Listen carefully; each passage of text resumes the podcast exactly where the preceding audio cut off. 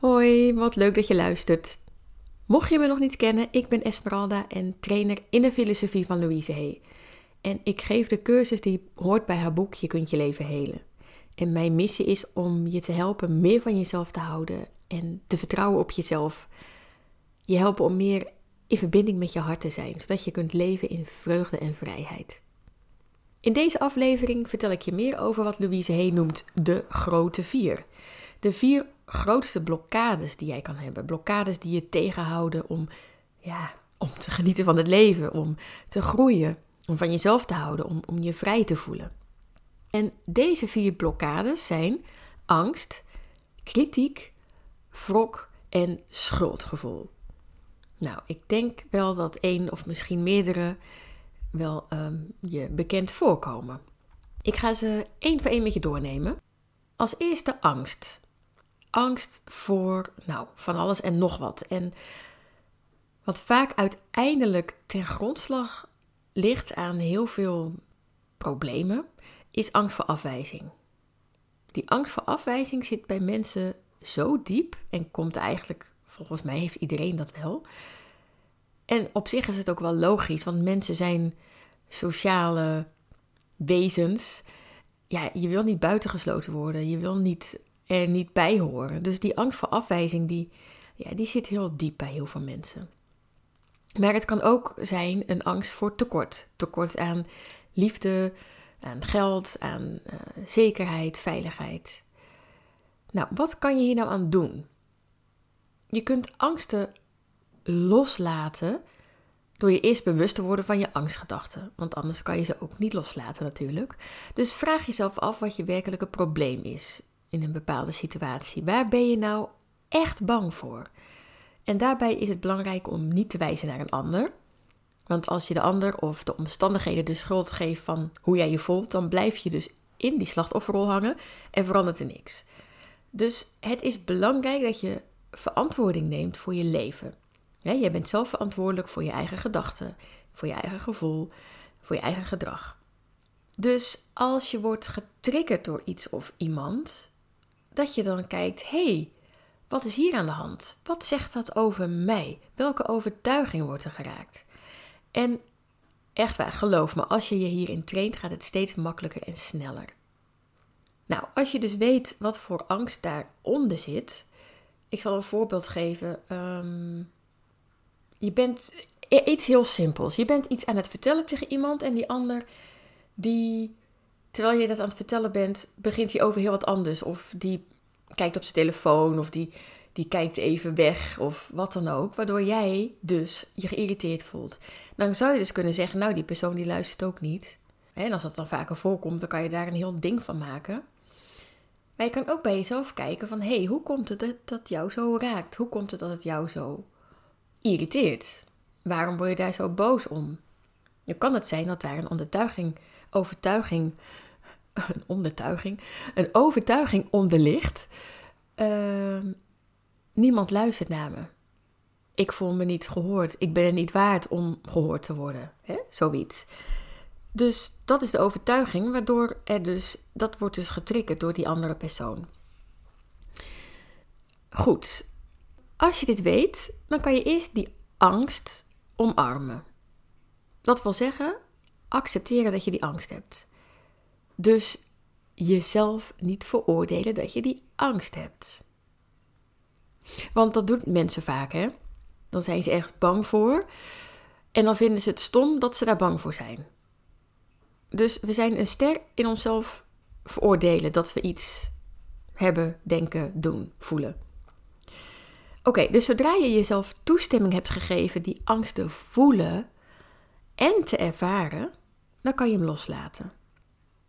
Dus om iets los te laten is het eerst nodig iets toe te laten. Door er tegen te vechten, door het te veroordelen, hè, wat ik net al zei, zoals stel je niet aan, het is niet nodig, wat onzin, dan kan je het niet loslaten.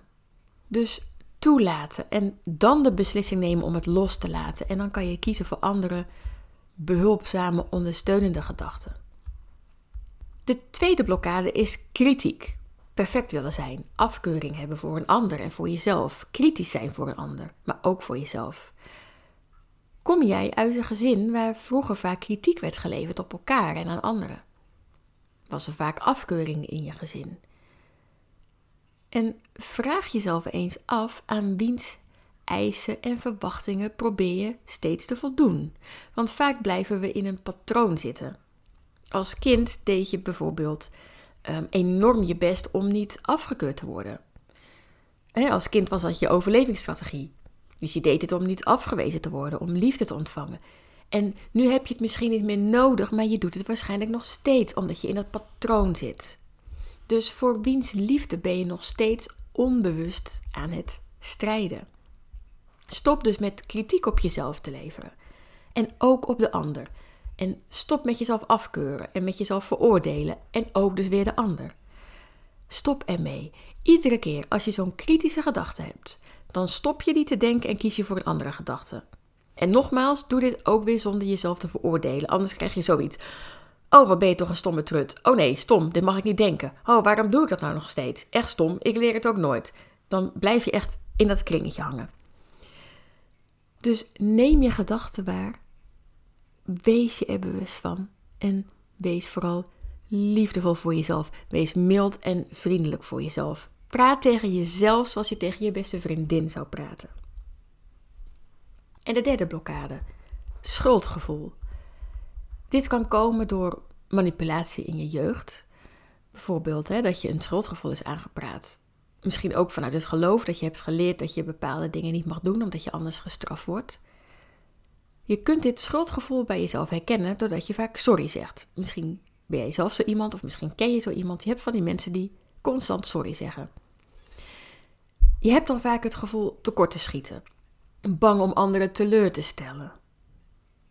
Dat is denk ik ook wel eentje die bij veel mensen iets triggert. Bang om dingen verkeerd te doen. Het kan zijn dat je in het verleden iets gedaan hebt waar je je nog steeds schuldig om voelt. Dus het belangrijkste is dat je gaat beginnen met jezelf te vergeven.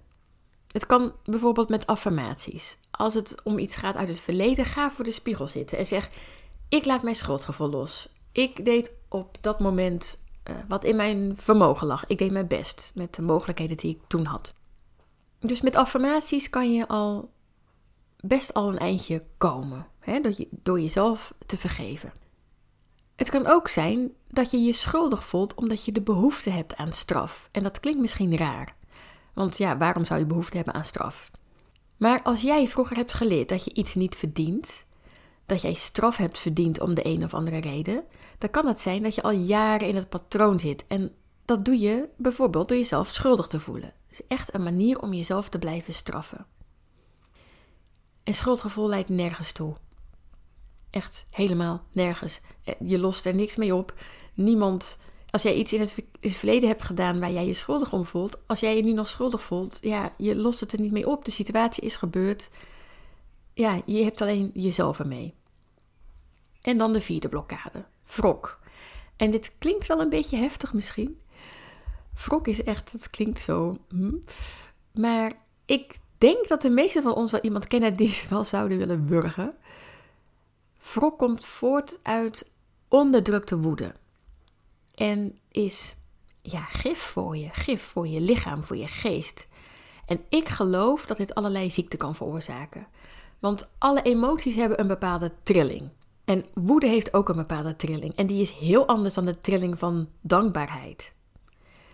En woede is niet verkeerd, hè? begrijp me goed. Maar als je hem binnenhoudt, als je hem niet uit, dan blijf je met die trilling in je lijf zitten. En ja, ik geloof dat dat nooit goed kan zijn. En je kan jezelf op dit vlak ook echt helen door hiermee aan de slag te gaan.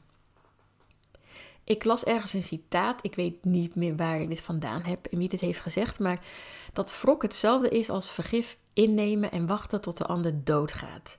Dus je denkt dat je de ander straft door boos op de ander te blijven, maar de ander heeft hier dus geen last van, alleen jij. Dus je hoopt dat je de ander ermee schaadt door dat gif, maar de enige die erdoor geschaad wordt ben jij zelf. En vergeven van de ander is zo belangrijk, maar hier ga ik nu niet al te diep op in, want over vergeven kan ik wel een hele aflevering maken. Maar als eerste is het belangrijk om de boosheid die nog in je zit te uiten. En dat hoeft dus niet naar die persoon toe, hè? Maar ga eens in de kussen slaan. Ga schreeuwen. Ga stampvoetend door het huis. Ga een kuil graven in de tuin. Koop een boksbal. Dit kan heerlijk zijn om het eruit te gooien. En zorg er wel voor dat je eventueel alleen thuis bent als je dit gaat doen. En dat de deuren nog in de kozijnen hangen als je klaar bent. Dus wees wel uh, voorzichtig voor je omgeving en voor jezelf. Nou, wat je ook kan doen, is um, een hatelijke brief schrijven. Klinkt niet liefdevol, ik weet het, maar soms is het nodig. En begin dan je brief bijvoorbeeld um, met ik ben um, boos of woedend, woest op je omdat, puntje, puntje, puntje. Maar je kan het ook hardop zeggen. Ik ben boos op je omdat, puntje, puntje, puntje. Uit het. Gooi het eruit en daarna kan je vergeven. Maar dat is pas de volgende stap. Oh ja, vergeven is niet het gedrag van de ander goedkeuren. Dat is heel wat anders. Maar wel de verwachtingen die je had van de ander loslaten. Maar als je wrok voelt, als er nog boosheid in je zit, gooi het eruit. Dus zorg ervoor dat je die boosheid dus hebt toegelaten en dus hebt losgelaten. want je kan dus je boosheid loslaten als je hem eerst hebt ervaren. Als je hier nou meer over wil weten, dat geldt ook voor dat angst uh, loslaten.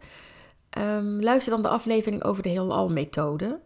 Want ik weet even niet welk, welke aflevering dit is. Um, dus moet je even kijken. Maar hier leg ik uit hoe je je emoties kunt loslaten. Welke stappen je daarvoor nodig hebt. Oké, dus dit waren de vier blokkades: angst, kritiek, schuldgevoel en wrok.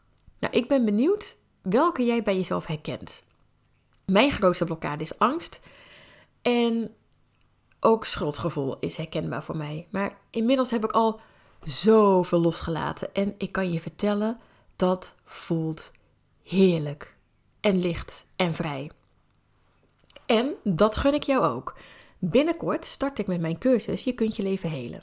Een geweldige cursus, al zeg ik het zelf. Het is uh, de originele cursus zoals die bij het boek hoort. Maar ik heb hem uitgebreid uh, en aangepast met dingen die ik in de loop der jaren heb bijgeleerd. Dus je gaat op zoek naar je belemmerende overtuigingen en deze ga je loslaten. Je leert over patronen, hoe je deze kan veranderen. Je leert alles over het omgaan met emoties. Ja, dus echt weer over dat loslaten, over vergeven, hoe je jezelf kan steunen. En ik kan je beloven dat je door deze cursus echt iets aan gang zet. Dat het je echt gaat transformeren. Dat je erdoor gaat groeien en ontwikkelen. Nou, mocht je nu zoiets hebben van ja, dat wil ik ook.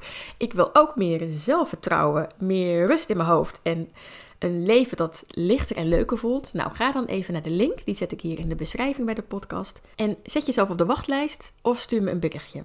Als je nou liever live mee wil doen in Goes, dat kan ook. En na de zomervakantie start ik met een nieuw groepje. Dat vindt plaats op een avond, weet ik ook nog niet wanneer.